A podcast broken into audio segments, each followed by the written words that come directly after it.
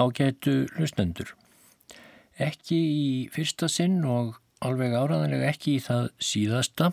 Þá ætla ég í þessum þætti að eh, leita hófana hjá Þorvaldi Tórótsen, náttúrufræðingi sem var upp á sitt besta í kringum aldamótin 1900 og skrifaði reyðinar býst um náttúru í Íslands frá mjög víðum sjónarhóli.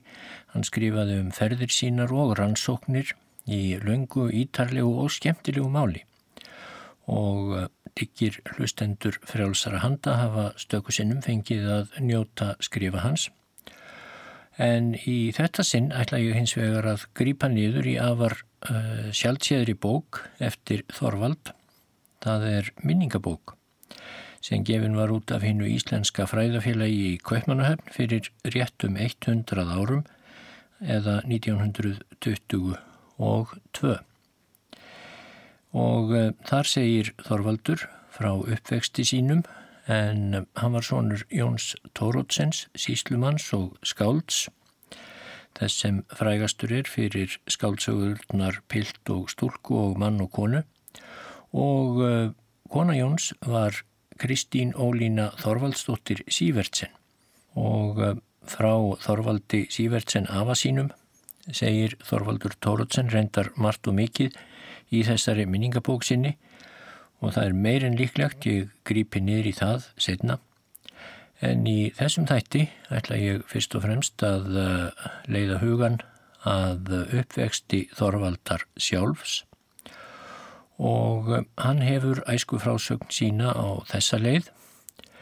Ég er fættur í Flatei á Breiðafyrði 7. júni 1855 klukkan nýju að kvöldi.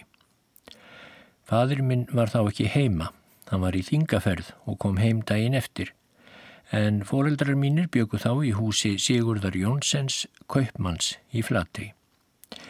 Ég var skýrður Þorvaldur í höfuðuð á afa mínum, tólta saman mánadar. Ekki átti ég þó langa viðtöl í eigunni, Því hinn 29. júni fluttu fóreldrar mínir að haga á Barðaströnd. Ég byrjaði því snemma ferðalögin. Fadur minn bjó fyrst á hálfum haga og síðan á jörðinni allri. Byggði hann þar upp bæinn og húsaði príðilega og búnaðist honum þar mjög vel. Þorvaldur í Rappsei skrifar Jóni Árnasinni, þjóðsagna samnara, þann annan mæ 1856 Hagahjónum líður vel öllum vonum framar sem hafa haft mikinn byggingakostnað. Hann, Jón Síslumadur, lítur út fyrir að verða búmaður góður og hefðu fáir ætlað það en hann á duglega konu. Þann 5. februar 1857 segir hann svo að Jóni Síslumanni Tóruðsson líði vel, er vel látin og ítrekkar að hann sé efni í ágætan búmann. Fadur minn gerði líka tölverðar jarðabætur í Haga og var byrjaðar að láta hlaða mikinn túngarður torfi er hann fórðaðan. Þegar ég kom síðar að Haga á 1986 var allt orðið breytt. Húsakinnin voru brjáluð og skemmt, allt fært saman og sumt rifið en túngarðs spottin mikli var nú orðin þjóðvegur eða tröð, hestagata eftir hrygg hans endilöngum. Í Haga lifði fadur minn sín farsælustu ár. Þótt barðastranda sísla væri nokkuð örðu og tekjur ír, en tilkostnaður var hins vegar lítill, lifnaðar hættir einfaldir og óbrotnir og búskapurinn gekk vel. Hjónin voru bæði ung og frísk og ekkert fann að líjast. Á öllu þessu var breyting til hins verra þegar fadur minn hafði setna síslu skipti. Í Haga var skrifari hjá föður mínum um tíma Eggert Jokkumsson, bróðir Mattíasar Jokkumssonar Skálds. Jóhanna Þorleifstóttir frá Kvammi var barnastúlka í Haga. Á heimilinu var þar líka Jóhannes Torberg, gamal fiskiskútukaftin, skildur föður mínum. Fóreldrar mínir eignuðust áttabörn, sjö síni og eina dóttur en af þeim lifðu aðeins fjórir sínir. Eitt af því fyrsta sem ég mann frá Haga var það að afi minn Þorvaldur Sývertsen sem ég er heitin eftir kom kynnisför þangað og hafði hann þá farið vestur í fjörðu og verslað við þjóðir en svo voru útlendir spekulantar kallaðir sem þá og við og við komu inn á íslenskar hafnir og buðu varningsin.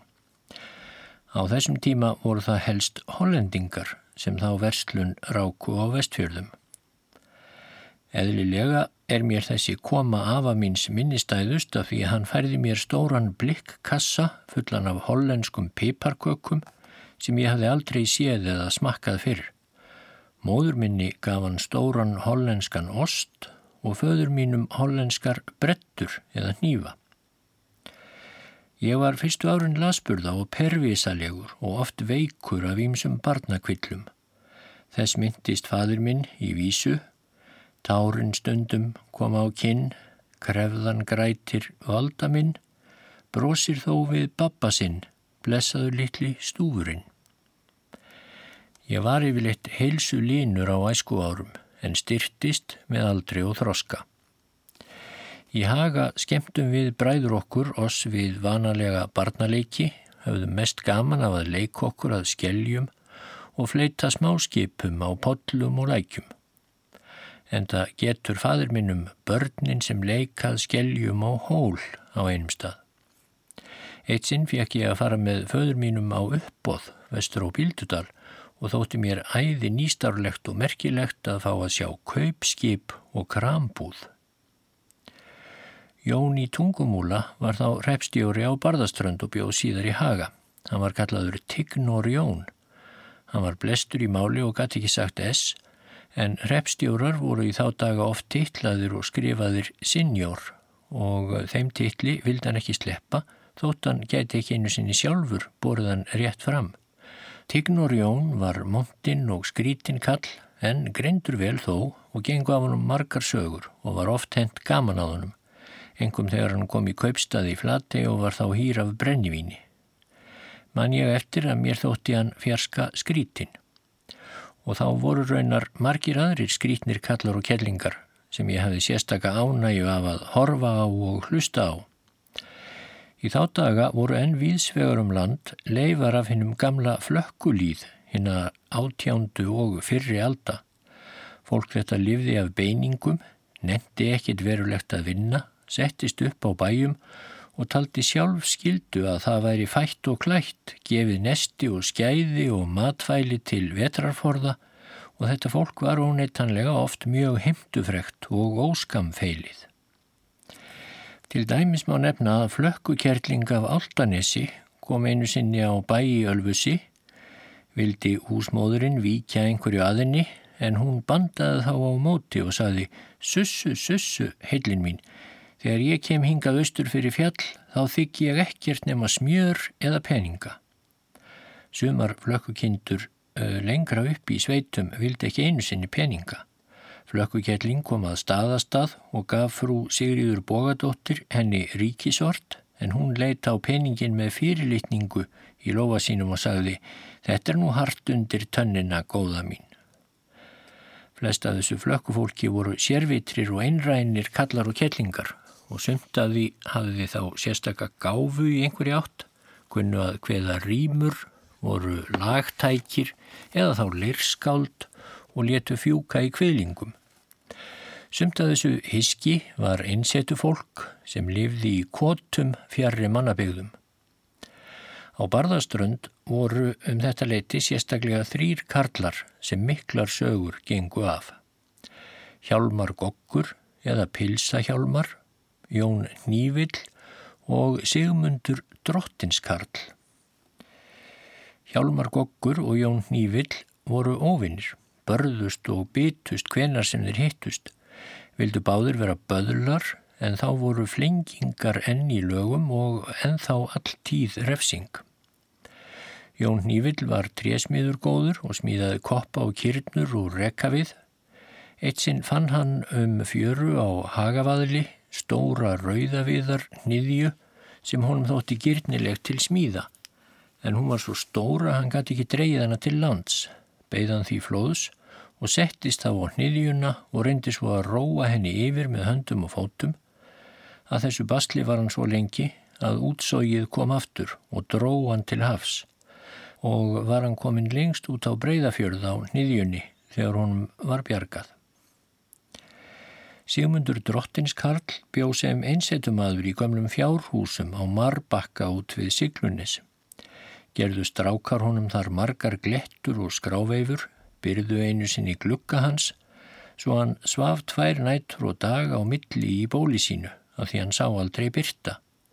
Þeir hlóðu upp snjókjellingu um kvöld á haug fyrir framann kofadir hans, svo þegar Sigmundur kom út í hálf dimmu, held hann þar vera komin einhver fórinja, ávarpaði hanna mörgum fríunar orðum, en þegar hann fekk ekkert svar, sótti hann hákarla sveðju og lagði í gegnum snjókjellinguna en feildi svo fast læginu að hann stakst sjálfur á höfuðið niður fyrir haugin. Margar fleiri sögur gengu um Sigmund í æskuminni. Það var víst Sigmundur sem eitt sinn kom að haga úr kaupstað, var mikið niðri fyrir með öndina í hálsinum, hafði skip komið með ljót tíðindi, það væri komið grimmasta stríð og þrýr konungar væri farnir að berjast af heift Danmerkur kongur, Kaupmannahafnar kongur og Hérna kongur. Á barðaströnd voru í þá daga gamal íslenskir hættir á öllu, sögur lesnar á kvöldum í baðstofu við grútarlampa með fífu oft voru líka hveðna rýmur eftir gömlum skrifuðum skruttum sem gengu bæ frá bæ. Fiskæti var helst steinbítur og steinbítsróð var mikið notað í skó, flautir voru algengur matur á kvöldum og svo framvegis. Fyrir jólinn var mikið steift af kertum og við drengirnir fengum kongaljós með þremur álmum en helsta salgætið var hangikett og lummur og jóladagana var spilað alkort og púk langt fram á nótt. Föður mínum var veitt borgarfjörðarsísla með konungsúrskurði 25. mæ 1861 og fór hann þá um sumarið í ágústmánuði söður á land til þess að útvega sér jarðnæði og líta eftir ímsu og undirbúa flutningin.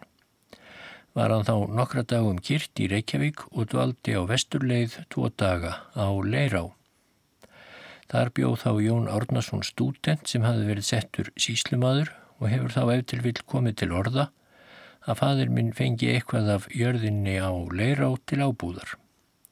Ekki gæti hann þó flutt sig til síslunnar fyrir næsta sumar í ágústmánuði 1862. Hinn 14. júlimánaðar það ár fór Jón Síslumadur frá Haga með fjölskyldu sína til Flattegar, dvaldi þar nokkra daga og svo nokkrar vikur í Rappsei hjá tengdaföður sínum. Ég var þá sex ára og ég man sérstaklega eftir siglingunni yfir Breiðafjörð frá Flatey til Rapsegjar í allkvössu veðri með margt fólk og háfermi á áttæringi voru kvennmenn ræðarar eins og tíska var mikil á breyðafyrði þar sem konur sóttu mjög sjó. Mér var nóg bóðið af stórum sjó og ágjöfum en ég herti upp hugan og leti ekki á því bera en bræður mínir sváfu allir. Í Rapseg undum við okkur ágætlega Þar var afar skemmtilegt að leika sér á álfhóli og öðrum hólum þar í kring og sjá alltaf fugglalíf sem þar er í eigunni og hólmunum í grend.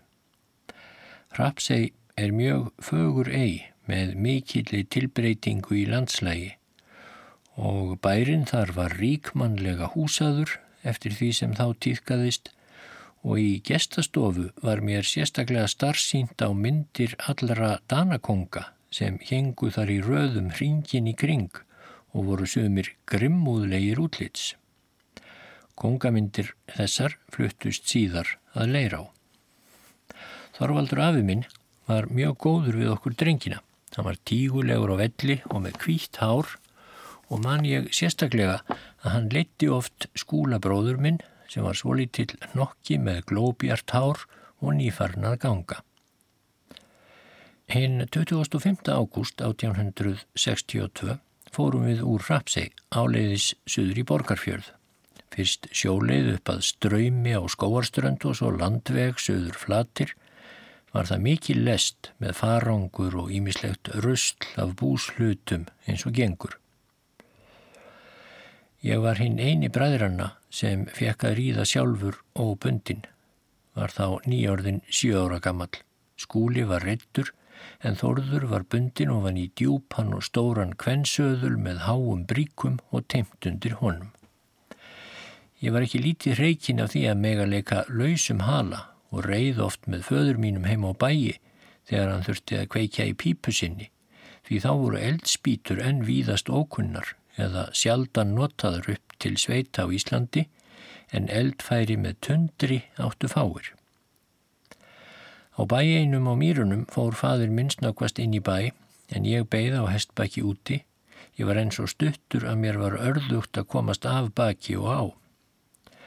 Þá kom strákurinn út úr bænum, tók hestana báða þegjandi sem voru að býta í hlaðvarpanum og batt þá við hestastein og minn hesti líka með mig á baki og sárnaði mér ekki lítið að strákur skildi sína mér svo litla kurteysi og taka ekkert tillit til þess hvað ég sagði.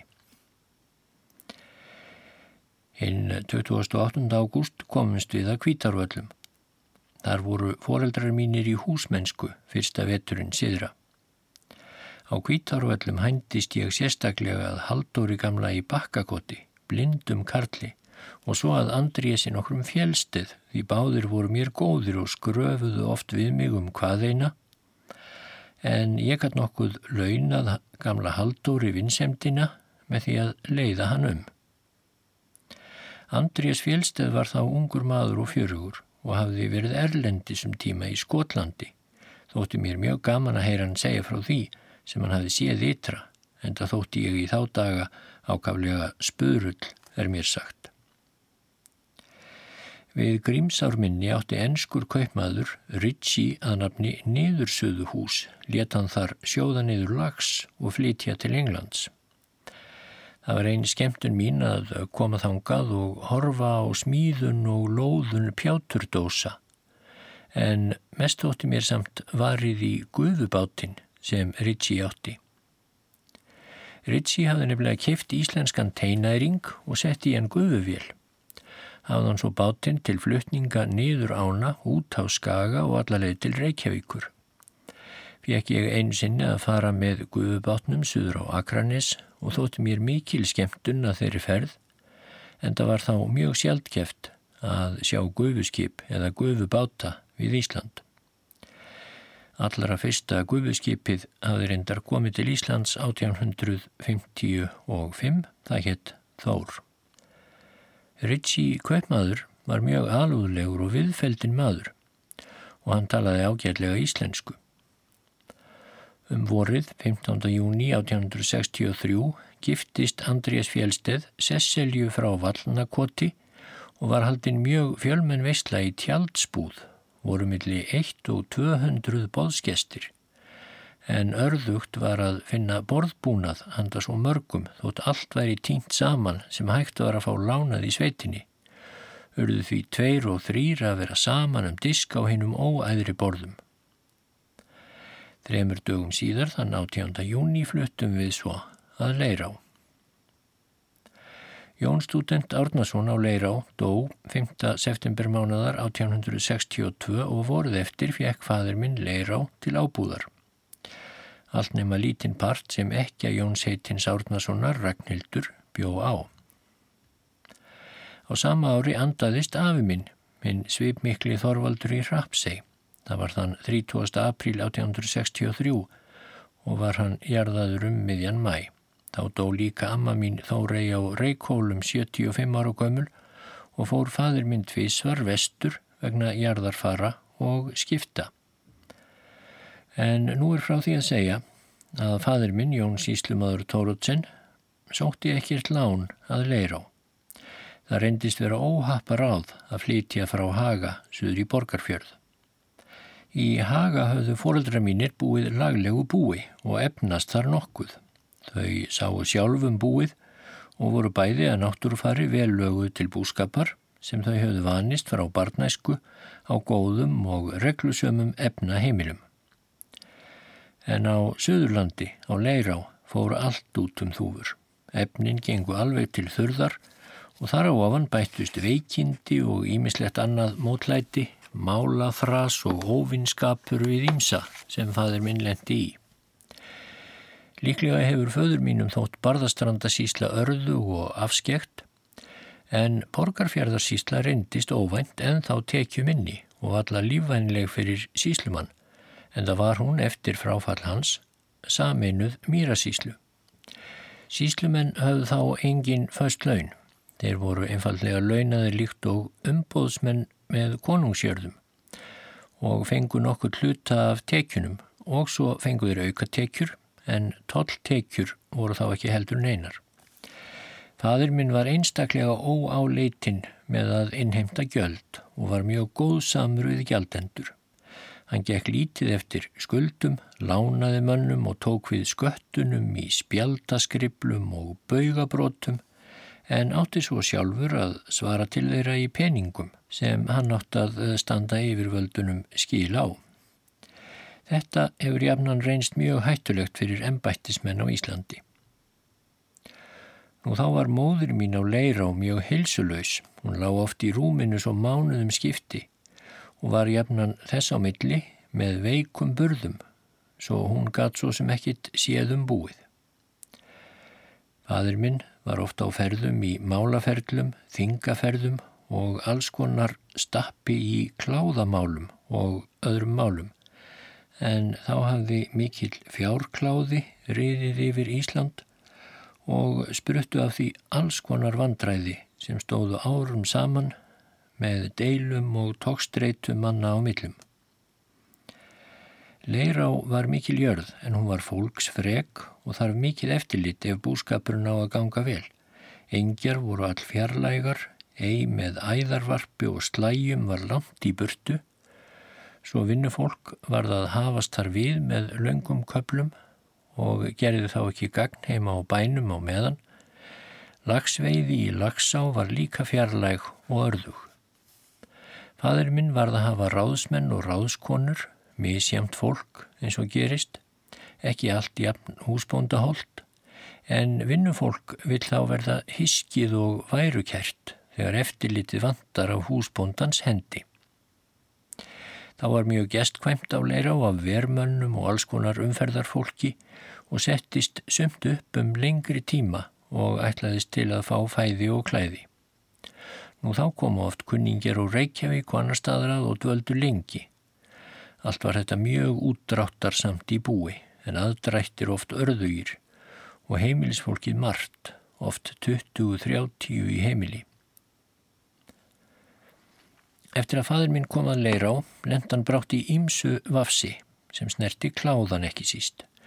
Kláðamálið var þá eins og stjórnarskrármálið síðar, mikið æsinga og hatursmál. Af því leittu endalauðs fundahöld, rifrildi og háfaði, samdrykkjur, útreyðir og fyllir í, stundum riskingar, því þá stóð brennivínsöldin einna hæst. Jón Tóruðsson var eins og öll önnur skáld í þá daga niðurskurðar maður sem þýtti að hann taldi ekki annað fært en láta skera niður allt sjúkt fjö en aðrir vildu reyna að bjarga því sem bjargað varð og lækna fjöð. Kviðlingar föður mín sem lækningamenn bökuð honum mikla óvild sumra þeirra sem vonlegt var. Allur þorri skálda lætur sem kunnugt er í ofinbyrjum málum fremur stjórnast af tilfinningum en röksemdum og svo minn einnig hafi verið um föður minn. Hann var all mikil tilfinningamadur en tók ég aðframt mikinn þátt í ofinbyrjum málum og var ofta á ferðalagi til Reykjavíkur og til kunningja sinna annar staðar í ímsum erindagjörðum. Af öllu þessu spratt íms óregla á búskap og öðru en sjálfur leytist hann því miður meira út í drikju en áður hafi verið. En það var hann mikill gleðimaður í eðli sínu og í samkvæmum var hann jefnan hrókur alls fagnadar. Tveir helstu kunningjar hans og nábúar presturinn á melum og bóndin í höfn voru líka miklir drikkjumenn og þá var það síður á hverjum bæ að bjóða öllum gestum brennivínsstaupp þegar þeir komu með síkurmólum á undirskál og svo var kaffi borðið fram á eftir þar sem það var ekki veikt þegar. Á heimilsínu neytti fadur minn ekki áfengis en einum mun en hann var öri í samkvæmi kunningi sinna engum í Reykjavík. Því breyttist út meiri orðrómur um drikkjuskap hans en verðt var. Ímsir ennbættismenn í Reykjavík, engum Haldur Fridriksson og Þórður Jónasen, voru föður mínum mjög óvinnveittir út úr kersknis og gamanvísum hans um kláðan og yfirréttin og þá átti fadur minn líka oft sökkótt við Jón Guðmundsson, rittstjóra Þjóðúlfs. Þessir menn og aðrir gerðu ekki lítið til að færa á verra veg og breyða út sögur um breyskleika föður míns og var valla við því að búast að mikið er þið eftir af mannorðu þess manns sem slíkir menn lögðust á. Söguburður og baktal Þórðar Jónasens um þá sem hann átti nöpfið var þjóðkunnugt og Haldur Fridriksson var kunnur fyrir klaganir sínar og kærumál um alla þá sem voru honum andstæðir í kláðamálinu. En það kerði hann líka föður minn fyrir stjórninni. Svo Hilmar Finnsen, landshauðingi, fekk skipun um að skoða embættisfæslu föður míns og kom í þeim tilgangi upp að leira á en fann ekkert aðtögvert eða vítavert, datt við þessi róur niður. Hinn fyrstu uppvakstar ár okkar bræðra á Leirá liður líkt og æsku ár annara sveitabarna. Móður okkar var oftast veik og rúmföst, eins og ég sagði á þann, og gati ekki synd okkur sem hún vildi, en hún var okkur jafnan hinn ástúðlegasta og nákvæmasta þegar hún var á fótum. Fadir okkar var líka mjög ástúðlegur og góður en hann var sjaldan heima og gengum við því oftast sjálf ala bræðurnir og lekum okkur við önnur börn af næstu bæjum, engum frá leirár görðum og svo við önnur börn sem voru á leirá. Eða við vorum að dund okkur eitthvað sér.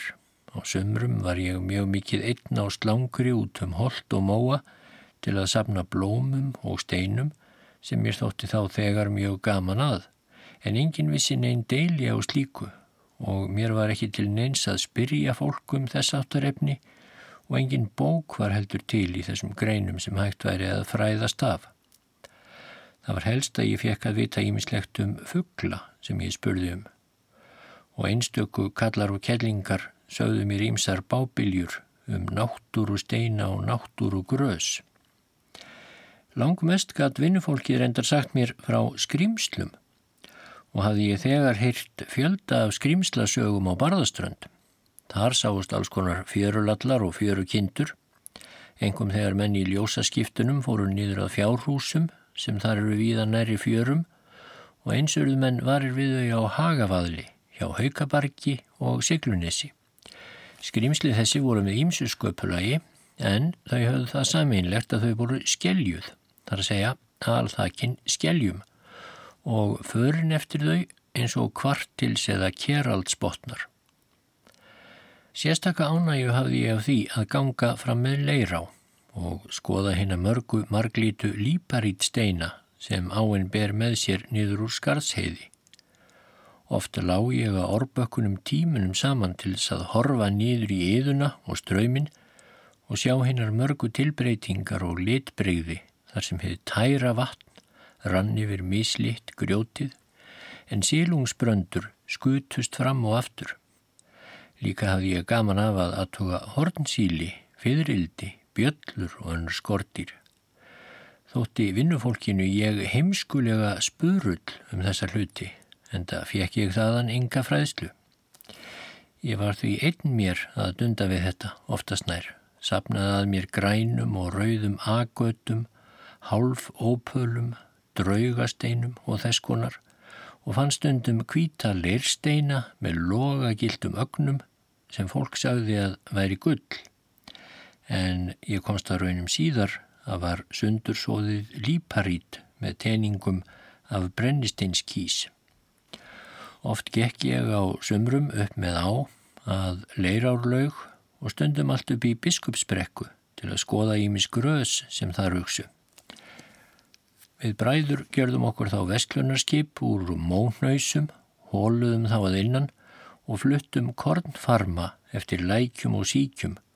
Kornið var af kornsúrum og varan var borguð með lokasjóðspenningum eða með kringlóttum glerbrótum sem við löguðum með likli.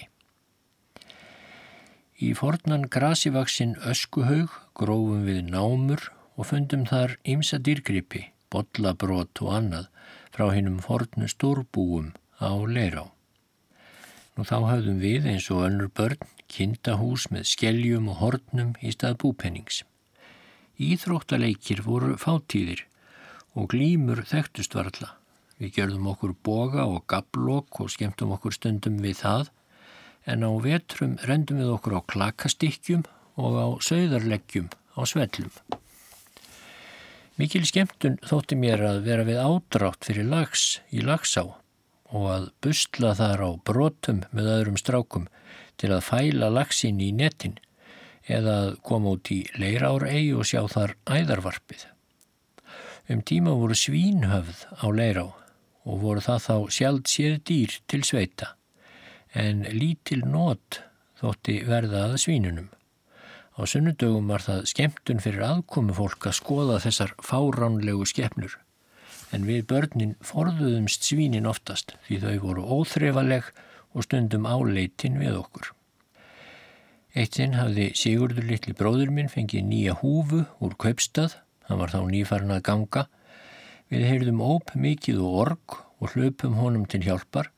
Þá hafði stór gilda felt sigga náði nýju húfunu hans og var að töngla derið. Vetrarlífið á Leirá var óskup svipað því sem annar staðar gerist á stærri sveitaheimilum. Fólkið sat á kvöldin við vinnu sína í baðstofu. Þar voru lesnir húslestrar og sungnir passíusálmar og kvestagslega lesnar sögur á kvöldum og hveðnar rýmur. Lýsingin á sveitabaðstofu í sögu föður míns, manni og konu, á mjög vel við það sem þá var á Leirá. Í rökkrinu sopnuðu þeir sem gátu eða kvíldu sig áður en kveikt var. Þá var það oft einn besta skemmtun okkar barna að segja og heyra sögur og að kveðast á eða skandirast. Gunnum við öll ódæmi af vísum, svo örðugt var að kveða okkur í kútin sem kallað var. Man ég það vel að oft voru á þeim árum miklir snjóar á vetrum Svo grafa varð göng frá hústýrunum og gluggatoftum gegnum snjóskabla, stundum ofsa veður, svo vinnumennirnir kæmust út að bjarga hegjum og bera á þau stórgríti, því hlöður voru þá valla hverki til. Sérstaklega er mér minnistætt eitt ílviðrið. Ég var háttaður og sopnaður í rúmi í litlu herbergi niðri, vinstra megin við bæjardyrnar en vaknaði við að allt leik á reyði skjálfi en kettlingein, sem kalluð var litla Jóhanna, satt á stól fyrir framann rúmið, rýri í ákafa og þæfði sokk í gríð og kerki. Stóð grátt hár stríið út í allar áttir en augun að mér þóttu voðaleg og söng hún með óurlega ámattlegri rödd og herti sig við hverja kviðu í storminum Sú kemur stund, kröftug fram þegar alla af gravarblönd Guðsvona raust mun kalla. Var mér þá nóg bóðið, nýpraði mig niður og breytti við fyrir höfuð. Nær ég lærið að lesa og skrifa man ég ekki. Það hefur eflust verið þegar í haga, en á leirá lærið ég reikning og dönsku og saði fadur minn mér til í hvort tvekja við og við á hlaupum.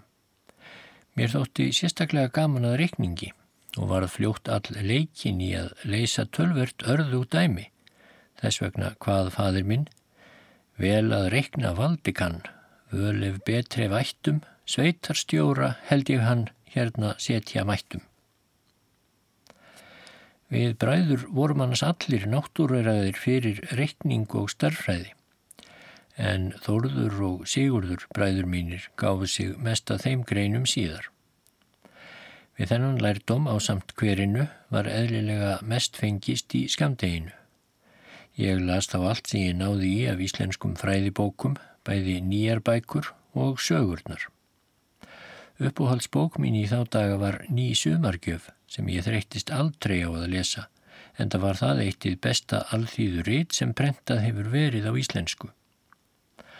Af eldri rítum las ég gaman og alvöru og vinagleði og svo þótti mér líka mjög gaman að lesa skýrtni. Þrælastríðið sem einmitt þá geysaði í bandaríkunum vakti sérstaklega aðtegli mína og langaði mig til þess að fá að vita meira um það og allt ástand í útlöndum. Ég spurði hinn enska Ritchie mikið um útlönd þá sjaldan hann komað leir á og var hann mér hinn vingerðlegasti, greiður að leysa úr spurningum mínum og skrafaði margt við mig. Það var mikill skadi fyrir íslenska alþýðu þegar stúdentum í Reykjavík sem sjaldan þekkja þarfir alþýðunar eftir margaratrinnur tókst að drepa skýrni. Þar hafði verið sagt frá viðburðunum ítarlega í samanhengi og söguformi sem átti við almenning en síðan hefa menn í blöðum aðeins fengið hálfmelta móla af útlendum fréttum ítla til ritta og óáræðanlega frá misjöfnum rittstjórum og ekkert samanhengi í neinu. Margir söknuði skýrnis og breyting á honum og tímaritinu var eflaust afturför í okkar litlu bókmyndum. Á leirá las ég einnig þúsund og einanótt með mikill jánæju og af hvæðabókum voru þá Svafa og Snót mest lesnar. Hvæði Magnúsar Grímssonar voru þá líka mjög kær alþýðu og hversmannsvörum sögum þess hveð liðleg sönglög voru til við mörg þeirra. Einstöku hvæði eftir Jónas Hallgrímsson og Bjarnar Tóransen kunnumenn en þó ekki mörg. Hvæði Jóns Þorlákssonar voru hins vegar einna mestum hönd höfð og margir kunnu fjölda af ljóðum og vísum eftir hann. Sumir kunnu líka ímislegt eftir Eggert Ólafsson. Af dönskum bókum las ég snemma ímsar skáldsögur eftir Walter Scott og Ingemann og onkel Toms Hitte eftir Harriet Beecher Stowe. Útlendar fræðibækur voru engar til, en það las fadir minn, þá sjaldan hann hafði tóm til, aldrei annað en skáldrít og lögfræði. Eftir hann liggur í handreiti sapna af íslenskum lagaorðum. Heimilsfólk á leirá var jafnan margt og alltaf einhverjir aðkomandi. Sumt af heimafólkinu var einkennilegt. Þorkjell Gunnlaugsson, síslu maður í Ísafjörðarsíslu, var giftur sísturdóttur sinni, Hildi Þórðardóttur frá Reykjólum og voru börn þeirra öll um, ankannaleg og undarleg. Gunnlaugur Þorkjelsson var á leirá í frænsemiskinni og stundum Arnfríður sýstir hans. Gunnlaugur var smíður góður á trí á járn en ákaflega geðstyrður og gæti ekki lind við nokkun mann. Hann var aukþess mjög fallaður, greiplingur með mikinn herðakistil, hólgóma og kviðslitinn en leitt þó mjög stórt á sig og þóldi engan ójöfnuð eða lítilsverðingu. Var því strákum mjög uppsígað við hann og strítonum á ymsanhátt. Fjósamaður hitt Árni. Hann var frægur fyrir það, lengaður en við komum að leira á, að fá vitranir og lasa hann þá upp úr sér, úr svefni, hátt og snjált, heilar stólræður sem mannum þóttu jafnast á við Jónsbókarlestra og voru það mikil undur Því árni þótti engin vitmaður vakandi. Um hann hvað fadir minn stökuna, árna smíði eru förn. Og ekki er ólíklegt að árni síðan okkur leiti fyrirmynd Hjálmars Tutta í manni og konu. Kaupakonainn var á leirá sem hétt Guðrún Bergmann. Hún þótti tölverð heimskona og barst mikið á. Hún var eitthvað skild Hallgrími Jónssoni hrefstjóra í Guðrúnarkoti sem þá þótti einna ríkastur höfðingi á Akranissi. Eitt sinn var Guðrún þessi í kaupstaðaferð um haust í Reykjavík, hafði hún fengið nýtt sjál en átti eitthvað í glensi við búðarmenn hjá smitt, kom of nærri heitum eldi og brendi hornið af sjálinu. Henni var strít með þessu af öðru vinnufólki á leirá en hún saði jafnan að Hallgrímur frendi sín í koti myndi ef hún beiti þess bæta sér skadan og þó meira væri. Þá voru einhverjar erjur millir leirármann og akurnesinga en margir voru þá hagmæltir á leirá og spruttu út af þessu máli svo kalladar kotvísur sem allar enduðu með Hallgrímur í koti. Alþektur maður og akranissi var í þá daga Pétur Ottisen. Hann kom oft að leirá og hafði sérstök orðatiltæki notaði til dæmis oft orðið langsamlega sem þá þótti nýstarlegt. Eftir fráfall föður míns fylgdi hann eitt sinn hinnum nýja síslumanni, Theodor Jónasen, sem setna varð amtmaður, fylgdi honum upp að leirá og fengu þeir kavald spil á leiðinni. Þótti Pétri hinn nýja síslumadur nokkuð ístöðu lítill og komst svo að orðið þegar hann sagði frá ferðinni Mér fannst það líka svo langsamlega óþarfi að vera að byggja Guð fyrir sér, svona rétt á milli bæja. Oft kom ímis leirskáld og skrítnir flakkarar að leira og settust upp um tíma. Hafði fadur minn gaman af þeim og var mjög greiðvikinn við þá. Jón Repp var til dæmis tíður gestur og einskuðmundur Bildur. Hann hafði lært tréskurð erlendis og var mjög vel ottagur en um leið var hann ólán skarmur og ranglaði um sveitir og þá kom Hannes stutt í stundum og fleiri lirskáld sem þóttust þurfað heils upp á síslumannin. Reykvíkingar komu ímsir við og við að leira á og dvöldu sömur lengi á sömrin. Af gestum sem stóðu við stuttastund eða fá að daga man ég eftir Jósef Lækni Skaftasen, Pétri Hafstein, Amtmanni og Grími Tomsen en auk þess voru óteljandi aðrir ferðamenn næturgestir og var ég stundum látin fylgja þeim sem ætluð út á Akranis, niður á Læk. Sérstaklega er mér minnistæður prestur einnað vestan sem hafði einkennilegt auknefni. Hann var greindur vel og átti greinda síni en var ákvæmlega sérvitur og geðstyrður á milli. Hann var að fara söður í Reykjavík til að fá uppreysna á æru og prestskap vegna yfirsjónar sem honum hafði orðið á. Stundum var ég hestadrengur föður míns þegar hann fór í þingaferðir, þótt ekki verið mikið liði í mér átta til tíu ára gamlum. Fadur mín átti góða reyðhesta og fór vel með þá, sérstaklega hafðan mætur á tveimur rauðum reyðhrissum, stóru rauðku og litlu rauðku sem voru bestu gripir hans. Þegar ég var nýjára gammal fekk ég að fara með föður mínum um sömarið landveg söður í Reykjavík og þótti mér mjög gaman að þeirri ferð. Ég manna við áðum á Svínadal í Kjós, áðurum við lögðum á Svínaskarð, þar sem var þá fagurt kjarr og hefði mesta blómaskraut af blágresi, fjallafíplum, lokasjóðs, bræðrum og fleira, svo mér þótti þar indislegt að vera. Síðar hef ég mjög oft komið á sömu stöðvar og séð meiri og meiri afturför á gróðrinum, unsan var að mestu upp öðrin Líklega er það aukinni fjárbeit að kenna. Mér þótti mikið um dýrðir í Reykjavík. Var starfsýnt á stórvirki mannana sem slík hús hafðu smíðað sem þar voru. Allt er hlutfalslegt í heimi hér. Þegar ég síðar hef komið frá útlöndum til Reykjavíkur þá verði ég að játa að mér hefur ekki þótt bærin alveg eins mikið förðuverk og mér þótti þá. Engum varð mér þó starfsýnt á húsið Glasgow en það höfðu í sveitinni gengið miklar sögur um það stórhísi sem þá var nýlega byggt. Annað eins hafði aldrei sést hér á landi. Í húsinu Glasgow sem nú er brunnið fyrir löngu hafði Sveinbjörn Jakobsson verslun fyrir ennst félag en þar gekk allt í sukki og óreiðu svo vestlunin fór á höfuðið eftir nokkur ár.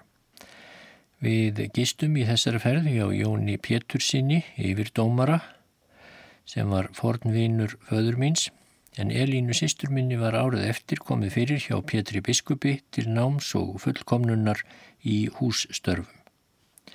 Björn Jensson síðar aðjungt var uppalinn í Reykjavík og var þá búðardrengur hjá Símsen Kaupmanni um sömarið. Hann stríti mér með því síðar þegar ég kom í skóla að ég hefði þá verið svo mikill sveita kjáni að þegar ég kom í búðina þá heilsaði ég þar allir með handabandi. Ekki mann ég þetta nú, en það er mjög líklegt því mér hafði verið kent kurteysi í heimahúsum, en heims reynsluna vantaði enþá og ég hafði aldrei komið í margmenni eða aðra einn stórborg eins og Reykjavík fram að því. Árið 1866 fór ég alfarinn frá Leirá, 11 óra gammal. Bræður mínir voru þá allir ungir, Þórður 10 ára, Skúli 7, Sigurður 3 og Lárus 2 ára. Hann var heið mesta skýrleiks barn og var mjög harmdauði fóreldurum sínum þegar hann dó 1868, fjögra ára, nokkur á undan föður mínum. Þegar ég fór söður í Reykjavík höstið 1866 fór móður mín líka söður í kynnisför til sýstur sinnar. Hún hafði aldrei komið fyrr í Reykjavík en það átti hún sjaldan heimangengt vegna sjúkdóma. Fadur minn var hins vegar jafnan heilsur haustur meðan ég var heima og varð aldrei mistægurt það ég mann til. Þó eldist hann snemma að útliti og virtist miklu eldri en hann var í raun og veru. Haustið 1867 fór heilsaföður míns að bila og var hann við og við lasinn um veturinn. Fór hann þó oftast ferða sinna og gengdi ennbætti sínu sem fyrr en um veturinn fekk hann eitt sinna á heimleið frá leirárgörðum, slark í áni leirá sem var svo uppbólginn af krapa. Hann varð eh, votur og innlugsa. Og upp úr því laðist fadir minn í lungnabolgu og dó 8. mars 1868 aðeins 48 eh, ára gammal. Búið varð því sem næst þrótabú. Öll efni þeirra hjóna sem þó voru nokkur þegar þau komið suður, gengur nú upp í skuldir. Eftirgangsleysi á síslugjöldum og ónægilega rekningsfæsla og ábyrðir fyrir ímsa náunga sem ekki gáttu eða vildu borga munu hafa alla þessu mest. En heimilið var líka mjög uppgangsamt, margir í heimili, margt liðléttingar og gustuga fólk, gesturisni mjög mikil og síslan tekjur ír en það var strax hlaupið í að sameina hana við mýrasíslu eftir að fadur minn fjall frá, en slíkt mátti engin nefna áður, þó hefði það komið til tals þegar fadur minn fekk borgarfjörðarsíslu, því þá var mýrasísla laus líka. Nú var öðru málið að gegna, því nú átti Theodor Jónasen, sonur Þóruðar Háyfirdómar að taka við borgarfjörðarsíslu og þá þurfti eðlilega að bæta tekjurnar en haustið 1865 fór ég sem fyrir getið alfarinn til Reykjavíkur og snýri aldrei aftur á Leirá.